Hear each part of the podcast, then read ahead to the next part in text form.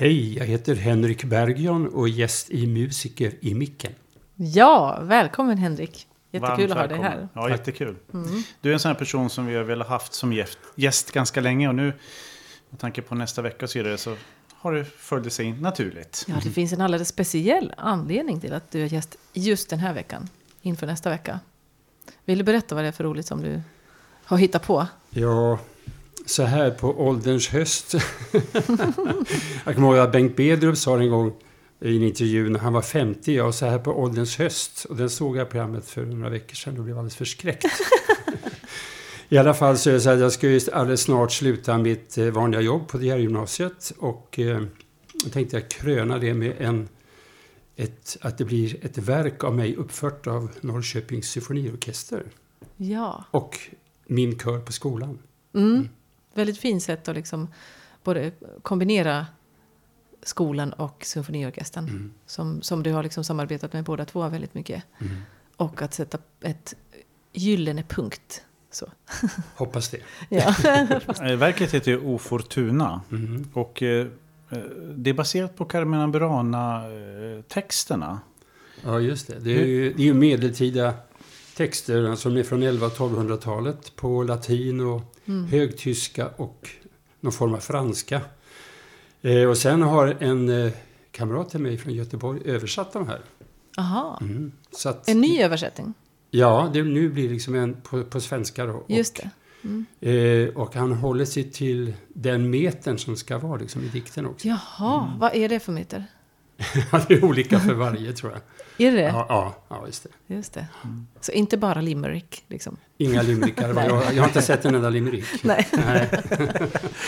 Men, eh, men är är just... eh, Betyder Carmina Burana-verket som sådant någonting för dig? Är det därför du, vad, hur kom, uppstod idén kring det? Nej, idén var egentligen så här att eh, Martin Rossing, som han heter, den här översättaren från Göteborg. Honom var jag kollega med på Hvitfeldtska gymnasiet en gång i tiden. Mm. Innan jag flyttade till Norrköping. Och han och jag gjorde väldigt mycket tillsammans. Vi har pratat i många år om att vi skulle göra någonting tillsammans. En musikal eller ja, Det har aldrig blivit... Nej. Nähä. Och nu då så när, när jag skulle få göra någonting för, för Zon Mm. så kontaktade jag honom och bad honom skriva en text. Och då fastnade det fullständigt. Han kom inte på någonting. Mhm. Men så kom han ju på då att han hade ju faktiskt översatt eh, Carmina Burana-texterna i samband med att de hade gjort det med Hvitfeldtska gymnasiets kör och orkester. Jaha. Ja. Och då, då framfördes ju de som, kan man säga, någon slags prologer till varje sats så, så man skulle förstå vad det handlar om. Ja, ja, ja. Men nu så sjunger vi helt enkelt den texten. Just det. Och det ska bli fint. Och sista satsen är lite annorlunda va? Ja, och då är det så här att då har jag en kompis till. Och det är en före detta elev som heter Tove Karlsson. Jaha. som bor i Nyköping. Som redan under tiden hon gick på det här gymnasiet, det var rätt länge sedan, så skrev hon väldigt mycket dikter. Och det gör ju många gymnasieungdomar, men de var osedvanligt bra. Alltså jag blev grymt imponerad. Mm. Så att eh, när hon hade slutat lite senare så frågade jag, kan, kan inte du skicka mig lite dikter? Då fick jag en jättehög. Och då så sa jag så här till henne att Alltså jag måste skriva någon musik till någon av dina dikter. Ja. sa hon då. Hon blev jätteglad. Ja, det är klart. Och sen, och det lovar jag henne för i hur länge som, alltså det var väldigt länge sedan som jag lovade det. Och nu passar det väldigt bra så att ja. Ja. fick jag en ganska lång dikt. Så det är den absolut längsta och sista satsen som bygger på hennes dikt som heter Se mörkrets mantel. Och det är ju lite oroande text i början men det slutar, ja det blir en slags happy end kan man säga. Okej. På den Ja. dikten. Just det. Mm. Medan de andra dikterna, de är ju väldigt eh, uppsluppna och glada allihop kan man säga. Ja, Mm. just det. Men eh, har hon, har Tove Karlsson eh, gett ut material? Är hon, Ja, jobbar alltså, hon liksom som poet, eller så ger hon ut material? Eh, Nej, hon har varit lite återhållsam eller, eller feg eller så kallar det för. Ja. Det är vi ju allihop kanske. Eh, men hon, ja det är något stycke som någon, någon gitarrist i Malmö har, har spelat in. Alltså han har gjort någon låt på en av hennes texter, det vet jag i alla fall. Mm. Mm. Men det är väldigt fina dikter. Mm. Det är synd att, att att hon kanske har skrivit mycket för byrålådan. Eh, Det är bra att det får Ja, bli exponerat ja, om, det, om det är bra texter och sånt där. jättebra Ja. Jag, jag tänker ibland så här att eh, eh, om det är många människor som, som skriver dikter, om, om folk gör det och sen man lägger i byrålådan och så inte mer med det. Liksom. Mm. Eller om det finns, finns ett skrivarbehov där ute som inte vi känner Det till. tror jag. Det tror jag att det Ja. gör. Har Men du- det blir ju Har vanligare. du skrivit dikter, Tanja? Inte dikter, men typ mer novell. Jag gick faktiskt en skrivarkurs för, Mhm. för i pandemin. Fick, fick man liksom i vissa perioder lite tid att göra saker som man liksom inte har gjort. Mm. Jag har alltid gillat att skriva. Ehm, ehm, men nu så tog jag tag i det och, och gick en liten skrivarkurs och skrev lite noveller. Och, Var, det- var det ett visst antal ord man skulle hålla sig till? Eller hur funkar ja, det? ibland var det det. Det var lite olika modeller, olika övningar liksom. Mhm. Och så. Det var jätteroligt. Och det var så, precis som man läser om så här, alla författare säger liksom att, att karaktärerna börjar liksom leva sitt eget liv och man förlorar kontrollen över vad de gör. Mm, mm. Utan det bara, det bara blir som det blir och man kan liksom inte själv bestämma över vad karaktärerna gör i sina liv på något sätt. Precis så blev det för mig under den kursen. Men du, du har inte känt... Jättehäftigt. eh, eh, nu gör vi ett litet avsteg. Ja, men, verkligen. Ja, men, eh, här, du, du, du vill inte liksom skriva... Det är jättesvårt kan jag tänka mig att hålla sig till eh, 300 ord och få någonting Ja. vettigt ur det. Men känner du att du skulle liksom skriva någon längre text? Alltså, Jo, men det har jag väl alltid känt sedan jag var barn, att jag skulle vilja mm, skriva någonting längre. Men, men eh, sen blev man ju musiker och jobbar på en scen och det finns liksom inte riktigt tid i mitt liv just nu. Liksom, nej. för det. Men jag tänker att det kanske kommer någon gång. Men, men hur, du Henrik, hur länge har liksom jobbat på det här verket som vi ska uppföra? Ja, jag kom ju överens med förre chefen på Zon om att, att jag ville göra det här. Ja. Det var säkert ganska länge sedan. Sju, Mm. åtta år sedan kanske. eller något. Okej. Eh, och sen så när jag fick göra det så sa vi båda två att det är väl ingen brådska. så att det har legat och jag, man har ju så mycket i skolan och man har ju andra grejer som man vill göra också. Så här, så att, Ja. men när jag fick reda på att det var den här texten jag skulle göra då satte jag lite fart för ett par år sedan kanske. ja, just Och så skulle det egentligen ha gjorts förra våren Mm. i april. Men då kom pandemin i vägen. Ja. Och Som nu är det mesta. precis att vi tagit oss ur pandemin. Men det har ju varit lite problem med eh, repetitionerna faktiskt. Att vi har Mm. fått köra halva klasser eller bara killar för sig och tjejer för sig. Så att Mm. det var först förra veckan så våra ett och tvåor fick öva tillsammans allihop första gången. Och nästa sant? vecka så är det ju Ja, konsert. det. Så då blir det som det ofta blir att det blir lite stress på slutet. Och någonstans så har det ju gått bra förut. Mm. Mm. Det är det man får luta sig tillbaka mot. Ja, Den Mm. det. förvissningen. Mm. Mm. Du, eh, du sa ju tidigare att eh, ja, di- ditt så att säga, ordinarie arbetsliv säger, går ju lite grann mot... Ja, det här kapitlet slutar ju snart. Mm. Eh, Men du har ju haft en väldigt lång eh, karriär. Du har ju du har jobbat här på musikgymnasiet i väldigt många år. Mm. När, när började du? det var ju när musikgymnasiet startade här i Norrköping 1984. Ja. Eh, och då hade jag jobbat sex år i Göteborg innan. Så jag visste ju vad musikgymnasiet var. liksom, Och det var ju det bästa jobbet jag kunde ha faktiskt.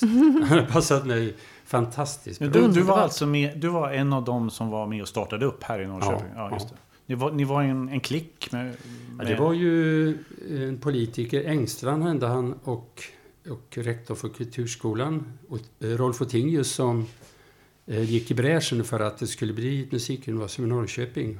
Jag tror säkert man tävlade med Linköping Mm. om det. Men så tack vare då att Norrköpings symfoniorkester finns i stad så fick Norrköping. Och det är ju väldigt Mm. tacksamma för. Ja, Det är jättekul. Vi har ju mycket samarbete ja med. Mm. med musikgymnasiet och det är alltid lika roligt. Mm. Och det är ju väldigt hög nivå på musikgymnasiet på det där Mm. faktiskt. Ja, det är det faktiskt. Ja. Ja. Kommer många proffsmusiker från den skolan. Ja. Men vad, du är lärare där. Mm. Och Mm. vad, vad undervisar du i för ämnen? Ja, eh, jag är ju liksom egentligen klasslärarutbildad. Så att säga. Men Ja, okej. I den utbildningen så ingick det väl väldigt många moment. Ja. Och jag tyckte egentligen att alla moment var väldigt roliga. Mm. så att, jag kommer ihåg att sång, det var, det, det var liksom en lycka att få gå till sånglektioner. För första gången får man ta det riktigt på allvar. Ja, Mm. Och eh, vi hade ja, alltså blockflöjt 20 minuter i veckan. Fast det har jag glömt bort. Det, det, det, var, det hade jag också. grepp. Ja, det hade jag också, men, men jag var, jag var ett, hopp, Ja. ett hopplöst barn. Ja. Nej, men sen är det så att, att, att eh, arrangera musik och eh, hitta på musik, det har ju legat mig väldigt varmt om hjärtat Mm. hela tiden. Eh, Men ändå att spela piano, jag kompade väldigt många på musikhögskolan och fick ju bra kontakt med de som gick på musiklinjerna. Det var hemskt kul. Mm. Är det där, det där med, med att arrangera och komponera och alltihopa, är det någonting som fin, fanns det hemma eller är det någonting som kommer från dig? Ja, alltså man, man säger så här att eh, min familj, vi sjöng mycket i bilen. Mm. Jaha. Vi är fyra syskon och så, och så min far och mor. Min far han sjöng melodin och vi andra sjöng också melodin till att börja med. Och min mor hon, hon var bra på att hitta på andra stämmer. Mhm. Sen lärde jag mig liksom det automatiskt. Och Ja. när jag blev lite äldre så kunde jag klura ut i förväg vad hon skulle sjunga. Så att då hittade jag på en tredje stämma. Är det Ja, sant? ja, var- Gud vad lo- roligt! Väldigt avancerade Ja, billekar. Ja, ja. Men vilken, vilken plats har du i syskonskaran? Jag är nummer ett. Du är nummer ett, så Ja. du fick sitta då. Men den yngsta stod förmodligen då i baksätet, stod där med, och höll sig Längst bak. Ja, ja, men höll sig i, i passagerar och förarstolen och tittade ut i mitten. Eller? ja, det var ju inga bilbälten. Nej, Nej, precis. Jag hade dessutom en tax som skulle få rum där. Jaha. Men, eh, men var det sånger som fanns? Eller eh, liksom... Ja, ja, det var det. Det var det. Ja. Ni hittade inte på, jag menar. Nej, men vi hade en favorit faktiskt. Så det var den här Se månen vandrar på fästet blå. Taram, taram, tam, taram, tam. Så den, eh, den har faktiskt gått i arv till mina barn. Så att Ja. om man är ute och åker på kvällen så Så kan kommer man- alltid den. Kan man Ja. höra? Och den kan man sjunga hur länge som helst på. Den är så fin. Alltså. Ja, just det. Ja. Ja, kul. Eh, och, di, och ditt barndomshem det fanns eh, i, i Kalmar län?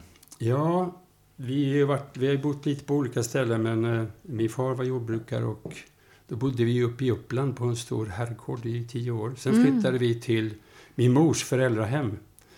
Och det är i eh, Gamleby, lite norr om Västervik.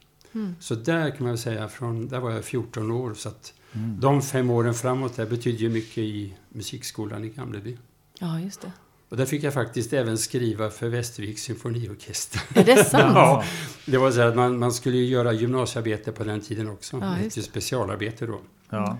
Och då ville jag skriva en pianokonsert. Oj! Ja, så att jag fick eh, sola lite själv också. Ja, det är klart. Ja. Just det. Eh, och då eh, kan man ju säga i efterhand att, att det var synd att jag inte fick lära mig eh, lite mer grundläggande saker då, men jag kämpade på det. Musiken kunde ha blivit riktigt bra om jag fått reda på lite grejer till. Ja, ja, ja, just det. Så, så nu ser du Ja, till var att dina låtar. elever får reda på det som du inte fick Ja, reda precis. på. Just Ja, det. ja. Men, men hade du då, måste jag fråga, hade du Georg Övermyr då? Som, Ja. ja, det hade du som lärare. Ja, just det. Han har betytt Mhm. mycket för många vet jag. Mhm. Men, men sen, eh, sen gick du musikhögskolan i, Stockholm. Stockholm. Mhm. för, och du hade Erik Eriksson som lärare där. I kör hade I Erik kör hade Eriksson. Ja, just det. Och Bertil Appelbom i altfiol. Ja, men jag, jag vet det, för jag har sett Mhm. någon, det finns ju någon film med Erik Eriksson, eh, en dokumentär, då du står där i kören. ja, som gick på tv för... eh, Ja, 1978. va- Okej. Var det då det var? Ja, för Ja, första gången. Ja, ja. Mm. Hur, var han att, hur var han att sjunga under liksom?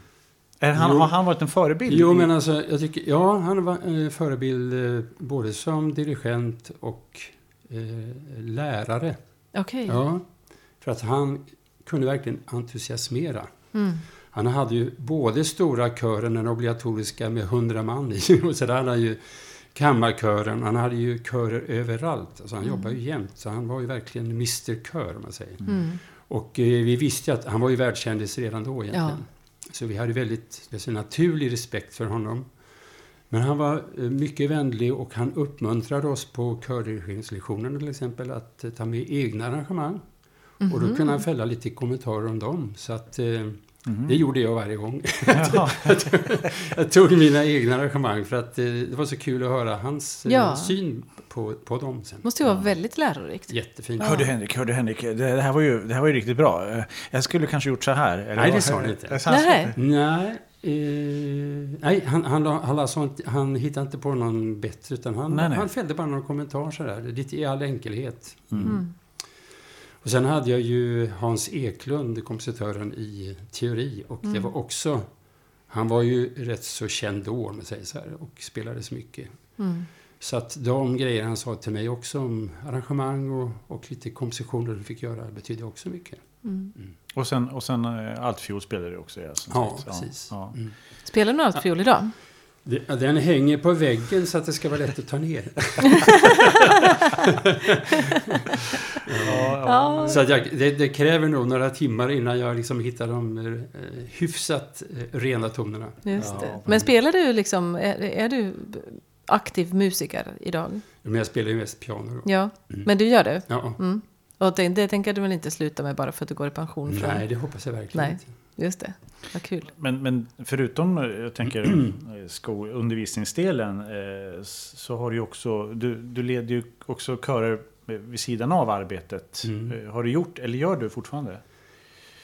Ja, alltså i skolan har jag haft körsång en, ska jag säga, en lektion i veckan hela tiden. Mm. Sen har vi gjort ganska stora grejer med till exempel med symfoniorkestern här och men även själva Mm. har vi gjort. Mm. Sen så, så var det en kör här i stan som heter Vinkören. Eh, alltså, eh, det är ju förkortning av Vrinnevi i Norrköping, alltså lasarettet. Ja, Deras personalkör. Och en fram, ska säga, framåt ordförande som tjatade på mig tills jag provade. och då märkte jag att den, alltså den entusiasm och den glädje som de visade mot mig när jag kom och underhöll dem, kan man säga, eh, ja, ett par timmar i veckan. Det var en fantastisk känsla. Liksom. Ja. Mm. Och det är på torsdagar direkt efter mitt jobb. Och det är man ju egentligen jättetrött Mm. efter hela dagen. Och så kommer man till dem och så blir man pigg istället. Det blir Ja. som en vitamininjektion på något Ja. sätt. eh, Faktiskt, kan jag tänka mig. Mm. Men, men är inte det lite grann ditt signum? eh, Att du är en entusiasmerande eh, liksom, körledare? Det är svårt att sätta en överskrift på sig själv, men jag menar, jag, jag tror faktiskt att du, du är liksom lite känd som det. Att du är en inspiratör. Jag låter dig prata här. så. Ja, ja men det, för jag tänker också att eh, du blev inspirerad av Erik Eriksson och, och, och, och sådana lärare och sånt där. Och Ja. det, det är i sin tur, och så inspirerade du andra och så inspirerade de andra. Det är som ett stort evigt hjul som man är en del av på något Mhm, sätt eh, mm. när man håller på med, med konstnärliga yrken. Mm. Och eh, som lärare och att vara inspiratör, det är liksom det största man kan vara på något sätt. Mm. Mm. Jo, men sen, och sen jag tycker vi har haft eh, alltså vissa, jag tänkte på mina elever då, vad de får uppleva på kören så ibland är ju då vi körlärare, vi, vi repeterar ju in stycken och sen så ska det framföras med en så kallad riktig dirigent för symfoniorkestern i Norrköping. Vi får ju aldrig dirigera eh, Norrköpingsorkestern utan då kommer det ju en, en professionell dirigent och, och då har vi gjort liksom grundarbetet som då den dirigenten slipper. Utan Mm. han eller hon får utgå från någonting som är nästan färdigt. Mm. Och då märker man också eh, eleverna, alltså hu- hur mycket de lyfter sig det där sista lilla snäppet. Mm. Så då, får- då får de ju en väldigt stor upplevelse tack vare det. Liksom. Så vi har ju haft en del väldigt bra och entusiasmerande dirigenter som har Mm. betytt mycket. Ja, Mm. visst. Ja, just det. Ja. Nej, men som du sa förut, Tanja, just våra, våra samarbeten med orkestern och Diargymnasiet har ju det vet jag betyder jättemycket för, för, för oss, för många av oss. Och, Mm. och jag kan säga att det är något av det roligaste vi gör, Ja. eh, alltså på hela Mm. året, alltså den grejen. Därför det var ju så, under pandemin så otroligt tråkigt när, Ja. när, inte, när liksom den, den delen, vårt samarbete Mm. haltade ju på, av naturliga Mm. Ja, orsaker. precis. orsaker. Så Men det är väl inte så många gymnasier och orkester i Sverige som har sådana här omfattande samarbeten med varandra? Nej, jag tror att eh, Örebro kanske, ja, de började i alla fall med det vet jag. Mm, just Men annars vet jag inte. Mm. Ja, Nej. det är ju det är lyxigt för både och. Mm. Både skolan och orkestern. Jo, men det är eh, just det här samma, att eh, våra elever får liksom sitta med och bara översköljas av en professionell orkesters alla bra ljud och beteenden överhuvudtaget i repetitionsarbetet. Ja, just det. Bara det betyder jättemycket. Mm. Och sen naturligtvis också orke- eh, själva konserten sen. Mm. Mm. Just det. Utan att vara allt för slängd i matte så kan, kan jag ändå konstatera att det, om två år så är det ju 40 år då som sen musikgymnasiet eh, startade här i, i Mhm. stan. Eh, De här 38 åren hittills då, hur ser du, när du ser tillbaka från när allting började och hur det är nu. hur har det förändrats tycker du? Har det blivit är det nya förutsättningar, andra förutsättningar för er? Och eh, har, det, har eleverna, förändras de så att säga över tid? Eller hur, hur går det till? Hur fungerar det? Alltså, det är det som är så kul med att jobba på ett gymnasium. För att man kommer ihåg själv lätt hur det var på gymnasiet. Mm. Tack Mm. vare det. Så det känns som att vi är samma skrot och korn hela tiden. Du har suttit Ja. kvar på skolbänken. Och det är en fantastisk ålder att leva i. Liksom. Just det. ja, Ja. ja. Fast, att då, då, men det är precis i, i, när man ska bli vuxen människa. Ja. ja. Ja, så att man har ju faktiskt många vuxna tankar redan i högstadiet. Men man Mm. beter sig oftast inte så. Nej. Utan man beter sig som ett barn, men under gymnasiet så, så händer det massa saker. Man. Även tråkiga saker ut. förstås, Ja. men eh, som, som Ja. formar en som vuxen. Ja, men, men, men jag tänker, och just lärare, eh, men man minns ju väldigt eh, mycket sina lärare från gymnasiet. I alla fall jag. Mm. De som på något vis har betytt Ja. någonting minns man ju. Absolut. Mm. Eh, Just kanske för att man var i en, en ålder där man var ändå påverkbar på, Mm. på något sätt. Mm. Men, men eh, återigen, hur... hur eh, alltså, ungdomarna på 80-talet, ungdomarna Ja, idag, är de, är de likadana eller? Ja, jag tycker... Jag får Ja. för mig att de är ganska sig lik. Alltså. Jag Ja. tycker det. Okej. Däremot har det ju hänt saker med vår utbildning som, som har gjort att förutsättningarna ja, har, har ju förändrats lite. Okej. Alltså har, det som var lite svårt ett tag det var ju att man skulle starta musikgymnasier precis överallt. Mm. Och eh, då blir det så många gymnasieplatser så det är svårt att fylla dem. Och Mm. det kan till och med bli negativa val. Alltså att ah, jag tar musik för det är så enkelt. Mm. Men det är inte så enkelt. Nej. Nej. Och det är lite tufft faktiskt. Jag menar, när man börjar på musikgymnasium så då får man ju höra en massa andra bra elever. Det är Mm. inte bara en själv. Ja, man Mm. kommer Ja. kan få från sin eh, Ja, kulturskola precis. och där var du duktig men sen Mm. så ska man, eh, Mm. så märker man att ja, sådär. Precis. Så vi har liksom lite grann fått kämpa för att eh, kunna vara kvar. Men nu så har det ju lyckats tycker jag. Så att, eh, Mm. Jag har hittat en bra form. Där vi har all musik faktiskt. Så att Mm. vi verkar för att rock och pop och jazz och blues och alla former av det plus den klassiska musiken ska få finnas. Mm. Och just i kören där, där alla är med, där, får, där finns det ju en chans att få musicera tillsammans på ganska hög nivå oavsett vad man gör för övrigt. Ja, just det. Där tycker jag körsången betyder Ja. mycket. Mm. Är det skillnad på liksom vilka huvudinstrument eleverna har, nu- alltså förr i tiden då, 80-90-talet, jämfört med vad de har idag? Det går i vågor ju. Det gör Så det? att- ja, är det det är nu det. som Jaha. gäller om man säger Nej, man kan, ja, alltså i, årskurs ett nu, så det känns som att halva klassen är gitarrister. Jaha! Men, men så? det var det inte året innan, utan då kanske det var något annat. Så ja. det kan, eh, ja, alltså de senaste åren så har vi haft väldigt mycket eh, Många elever som spelar brassinstrument, trumpet och trombon och horn och tuba och, och sådär. Så vi har ju ett bra brassband och ett bra storband just, det. nu. Men Mm. det är ju ingen garanti för att vi har det om ett par år, utan Nej. kanske det svänger till något annat. Ja. Just det. Och stråkar har vi också haft bra. Ja. Så att, eh, Mm. Jag tycker vi har väldigt bra balans just nu på instrumentala elever och vokala elever. Okej, Ja. ja. just det.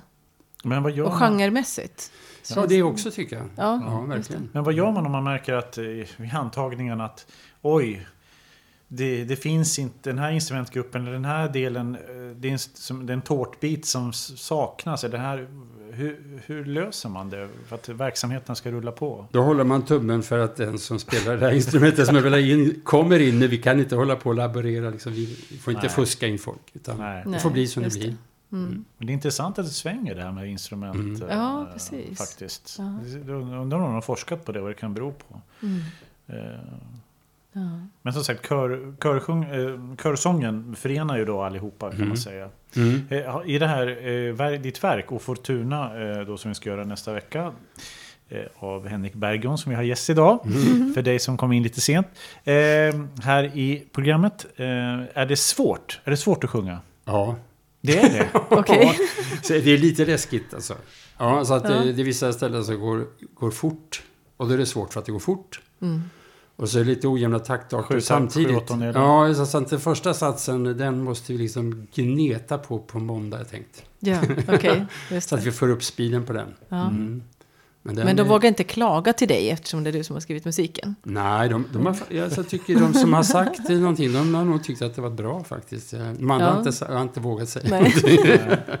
hur, hur många kommer det vara i kören? Hur stor Ja, kör? det beror ju på om vi är friska eller inte, men Ja, eh, ja, just det. cirka 90. Okej. Det blir, Är det alla eleverna på hela Ja, gymnasiet? det blir det. Ja, just det.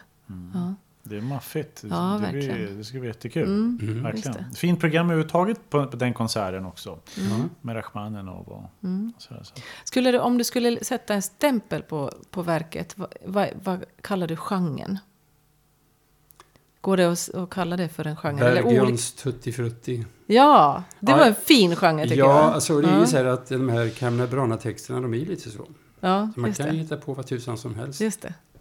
Så att det är faktiskt eh, eh, lite härme bland någon husgud någonstans. Bartok till exempel. Åh, Ja, jag älskar att spela Bartok på piano när jag var Ja, vad yngre. roligt. Mm. Så de första styckena jag komponerade var lite i Bartoks stil. Ja. tror jag. Mm. Just det. Ja. Och eh, så första satsen är en sån. ja, just det. Mm. Är det lite olika karaktärer på de olika satserna? Ja, och eh, nummer två är, den är väldigt traditionell och gullig vårsång. Mm. Nummer tre är en jazzvals som går i fel taktart. Men det ska, det ska låta som en jazzvals, men det är lite Ja. hit och dit. Ja. Ja. Eh, där är några sångsolister. Och sen i, i fyran, det ska bara vara vackert. Och då har vi en fantastiskt fin sopransolist som gick förra året. Hon skulle ha sjungit förra året här, men nu har jag kallat Ja, in det. henne. Ja, okej. Mm. Eh, och sen i, fem, femte satsen har vi ett stort, ganska svårt marimba-solo för Mhm. Anders Dahlstedt i symfoniorkestern. Ja. Okej. Så han sitter ju och övar som tusan här tror jag. Ja. Ja. Och, eh, och där är sopransolisten med också. Så det är mest de två. Så det är lite, lite körorkester till just det. Mm. Sen är det eh, en storbandssats. Ja. Så vi fläskar på ordentligt. Ja. Och sen på slutet, den där sista satsen, den är, den är sju minuter lång. Och för att det är en väldigt lång dikt. Ja. Och den är lite mer, att säga, modernistiskt konstmusikalisk på något sätt. ja, just det. Mm. Hur många satser är det? Ja, det är nio satser. Nio satser. Mm. Mm. Eh, är nio någon magisk siffra för dig? Egentligen är det tio... Nej, hur var det nu? Det är egentligen tio satser för Jaha. att eh, sats ett och två blir en. Liksom. Ja, ja, ja. Nej, jag har inga det. tankar på det, utan jag tänkte att Nej. det skulle bli lagom långt. Det skulle bli 25 till 30 minuter. Just Och då det. blir det det. Ja. Eh, Namnet Ofortuna, vad betyder det? Ja, Fortuna, det är ju ödesgudinnan. Mm. Det kan gå bra. Mm. Man kan spela på livets lyckohjul. Så att i första satsen där, där är det liksom lite marknadsförare. Kom, våga satsa, vinn. Liksom. Ja. Just det. Ja.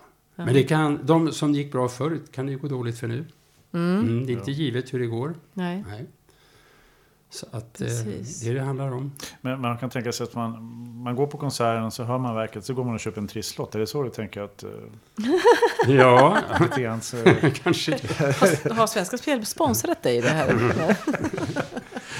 Och, sen, och Fortuna råkar ju vara först, eh, titeln på första satsen så då fick det heta så. Ja, Mm. just det. Mm. Mm. Men det är bra namn tycker jag. Ja, verkligen. Jättebra. Absolut. jättebra. Mm. Det är alltså eh, nästa vecka som då Symfoniorkestern gör en konsert med eh, Henrik Berggons verk och Fortuna för kör, solister och orkester. Och då på samma konsert så spelar också vår Christoph Schneitman eh, Ernest Blochs trombon, eh, symfoni för trombon och orkester. Och så gör vi också Rachmaninoffs eh, symfoniska danser. Och Så- de är så himla Ja, snygga. de är, jag ser det är ett fett program! Ja, verkligen. Och den här Det- konserten, ska vi säga det, är på lördag den 12 mars klockan tre. Ja, Så varmt välkomna till det. verkligen. Det ska bli jätte, det, det blir en jättesuperfin konsert. Mm. Verkligen. Men eh, eh, Henrik, jag måste bara fråga eh, när du så småningom här slutar eh, som lärare på det gymnasiet.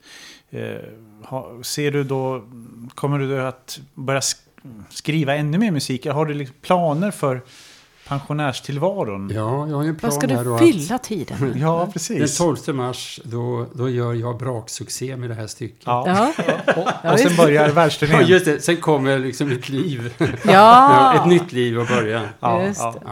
det.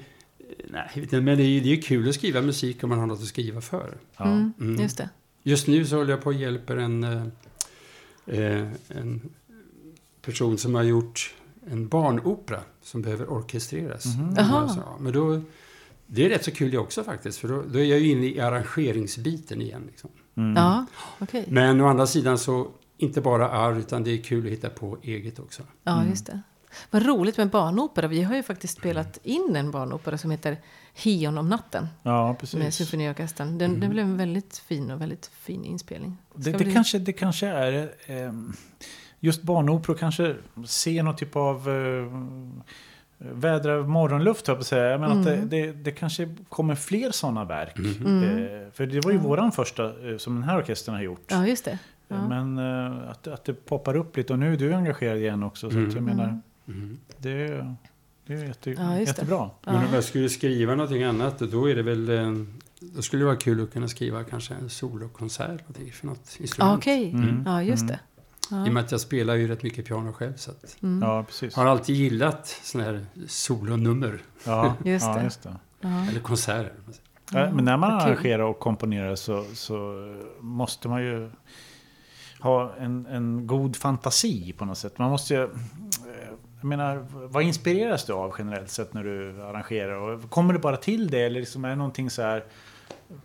Måste du promenera i naturen innan du... Ja, det är bra faktiskt. Ja, ja, ja, det är så. Ja, att då är man inte i närheten av det där pianot som bara fingrarna bara eh, dansar som de vill. Om man är ute i naturen så, så är då, då är man på något sätt fri. Va? Så att, I alla fall melodier och uppslag. eh, Kan komma när du Ja, ute? ja, precis. okej. Men kommer du ihåg dem sen när du kommer Ja, in? det är ju problem. Ja, man Ja, okej. Men just själva grejen, alltså just eh, känsla av Mm. för vad man ska hitta på kan Ja, komma just där. det. Mm, Just det. mm. Ja, Går, går det och gnolar ute i naturen då? Ja, nej, men Ja. jag har ju gjort två musikaler också för, alltså, Ja, just som jag gjort på skolan. Ja. Ja, Mm.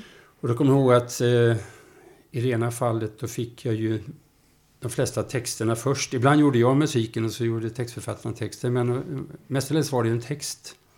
Så en morgon och tänkte jag nu ska jag försöka göra tre låtar innan jag går ur sängen.